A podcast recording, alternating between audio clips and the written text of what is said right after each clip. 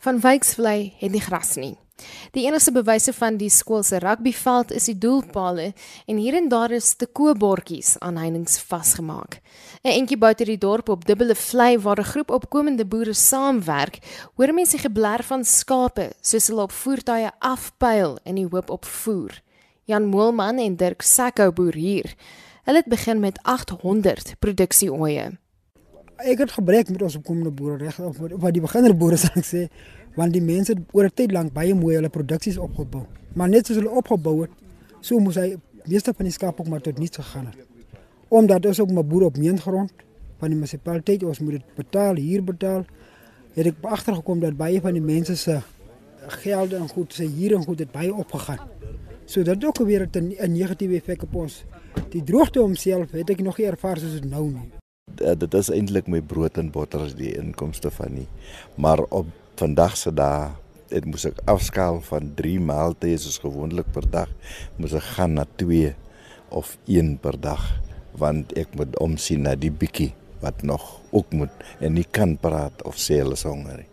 Maar dit is dit is nie 'n gesig om elke dag uit te gaan en te gaan sien 2 of 3 van jou vee is dood nie. Ek was so trots op hierdie plaas. Ek het ook gesê ek gaan veg dat dit ons eiendom raak. Ons het verskriklike geprobeer dat ons die eienaars moet word, maar tot en met vandag nog het nog niks gebeur nie. Ek het 'n top in die lewe bereik waar ek op aan uh, nasionale kompetisies deelgeneem het landwyd met hierdie lammers van die plaas. Als het afgeskaal, als afgeskaal, die droogte het toegeslaan en dit was net 'n hartseer prentjie om te sien hoe jou diere doodgaan, hoe jou diere maar is. Hulle is afhanklik van voer om hulle vee aan die lewe te hou en die bank bel daagliks om te hoor wanneer hulle gaan begin om hulle skuld van 170 000 rand te delg. My moet dit nog nie gaan lê nie. Ek glo nog die Here sal ons uit hierdie ramp uithaal. Dit is hartseerlik om om te sien hoe dit hier lyk en hoe dit nie hier gelyk het nie, maar ek ek bly glo. Toe ons nou hier ingekom het, die karkaste lê sommer so. Hoe voel dit? O, oh, dit is verskriklik hartseerlik. As dit is jy weet uh, hoe jy die skaap gebring het tot daar en vanmôre moet jy kom en jy sien hier lê my skaap dood. Of jy kom by 'n skaap wat jy hier voer voor sy bek neersit en hy kan nie eet nie. Môre daar kom dan as hy ook maar net weg.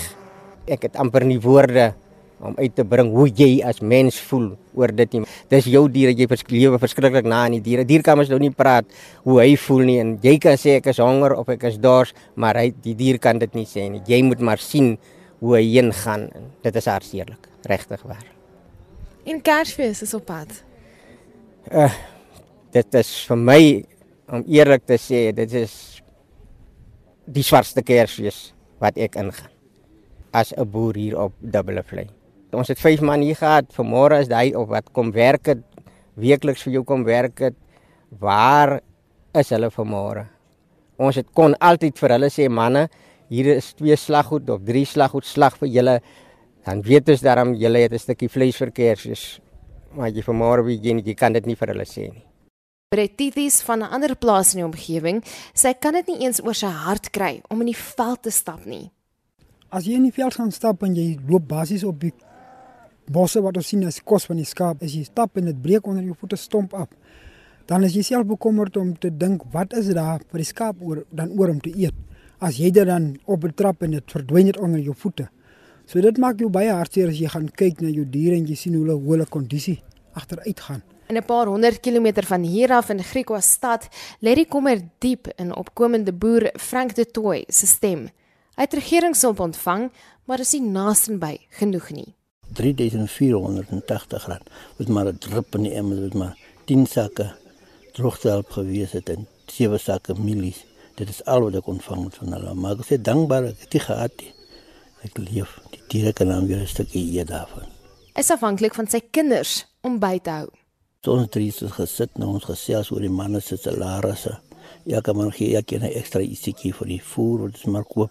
En hulle help my ek, ek betaal een hulle betaal ander tweetjies so hulle speel baie belangrike rol hier op die plaas. Dis hulle nie hier so as ek lankal weg. Voor sy huis het hy 'n stuk van sy tuin in 'n klein velkie lucern omskep Intussen is die beperkte regeringshulp 'n groot bron van frustrasie vir AgriSA se president in die Noord-Kaap, Nicol Jansen. Kom ons kyk net na hierdie boer. Hy's gevestig 2-3 jaar gelede. Hy het 'n groot kom kennis opgedoen. Hy kon in stand hou tot op hierdie punt. Die natuur veroorsaak dat hy nie kan verder gaan nie.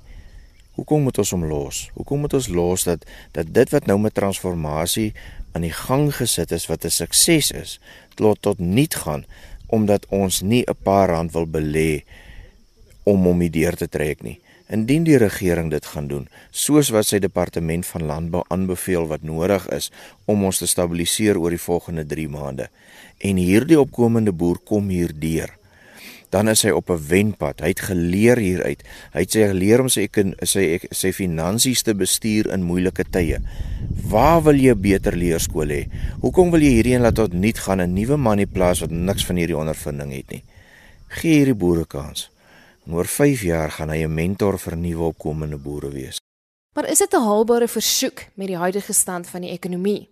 Ons spandeer 2 miljard om SAL in die lug te hou. 2 miljard. Ons vra 688 miljoen om die totale ekonomie van landbou daar te stel. Wat is die opbrengs wat SAL vir die staat gegee die afgelope 5 jaar? 'n Dooie verlies met reddingsboei op reddingsboei op reddingsboei. Wat is die opbrengs wat landbou in Noord-Kaap vir die regering en die fiskus gekry het wat hy tans op SAL mors? Ek sê net ons moenie onsensitief teenoor mense se loopbane en werk is nie, maar ons moet reg begin prioriseer. Ons moet begin prioriseer wat het 'n groeipotensiaal, wat het 'n opbrengspotensiaal vir die fiskus om ons land hierdeur te trek. Intussen duur die daaglikse stryd om oorlewing genadeloos voort. Andrew en sy 9-jarige seun Gideon werk op die plaas Dubbele Vlei vir Jan en Dirk met wie ons vroeër gepraat het dit mevrou doen dit is vir my eintlik 'n uh, baie hartseer ding.